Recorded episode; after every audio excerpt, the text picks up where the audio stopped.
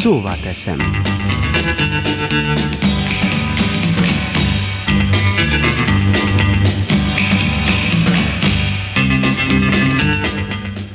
Imbolyog a busz, mintha egy láthatatlan óriás akarná felborítani. Az emberek meg mintha részek táncot lejtenének a sötét téli utcákon, de ennél nagyobb a baj, hisz a lámpák össze-vissza lengenek, óriási morajlás hallatszik, majd pánik uralkodik el. Sikolyok, kétségbeesés, és azt kiáltják, Allahu Akbar, tehát az, akit mi ott fent Istennek gondolunk, legyen irgalmas hozzánk. Majd a még hihetetlenebb képkockák, Szeptember 11-e New York?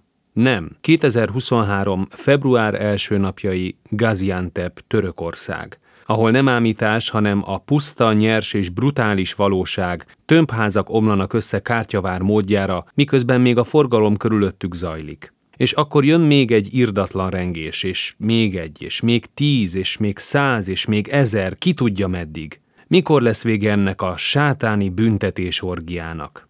Nos, megvolt az a szerencsénk, hogy nekünk nem kellett szembesülnünk mindezzel. Csak a mai technológia vívmányai vagy éppen szörnyedelmei által a mobiltelefonok révén élhettük mindezt át felvételeken keresztül. De ugyanez a nyomasztó szorongás lesz rajta murrá, ha az ukrán frontról vagy az ukrán hátország városaiból érkező képsorokat nézem végig. Annyi csak a különbség, hogy ott nem a természet, hanem az emberi kéz büntet. Tehát ez zajlik körülöttünk, és még sok minden más, de talán jobb, ha nem is tudunk róla. Azonban a török földrengés is csak azért lehetett most ilyen pusztító és halhatott meg már általa több mint 21 ezer ember, mert a hatóságok nem váltották be ígéretüket. Mégsem pumpálták a pénzt a földrengés biztos otthonok és középületek megépítésébe. Pedig még különadót is fizettek a törökök az utóbbi húsz évben e célból. Tehát Erdogán nem puszta áldozata a helyzetnek, hanem a természet kegyetlen erejének cinkos társa. Hogy ebből majd mi lesz még, kiderül. De reméljük, hogy nem azt váltja ki országában, mint amit megtapasztalunk a déli szomszédnál, Szíriában, vagy Líbiában, Afganisztánban, Jemenben, Szomáliában, Dél-Szudánban, Haitin, Irakban. Ezek az országok a föld bukott államai.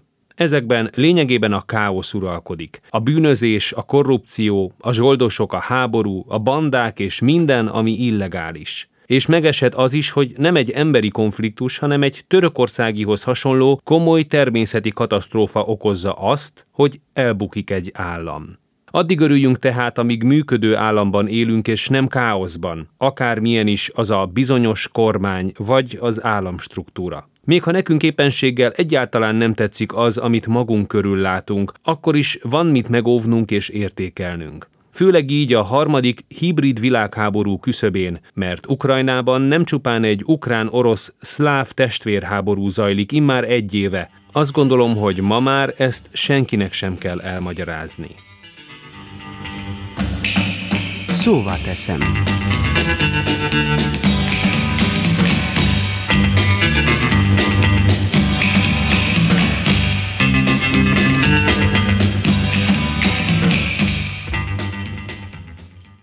Az elhangzottak a szerző véleményét tükrözik, és nem minden esetben egyeznek a szerkesztőség álláspontjával.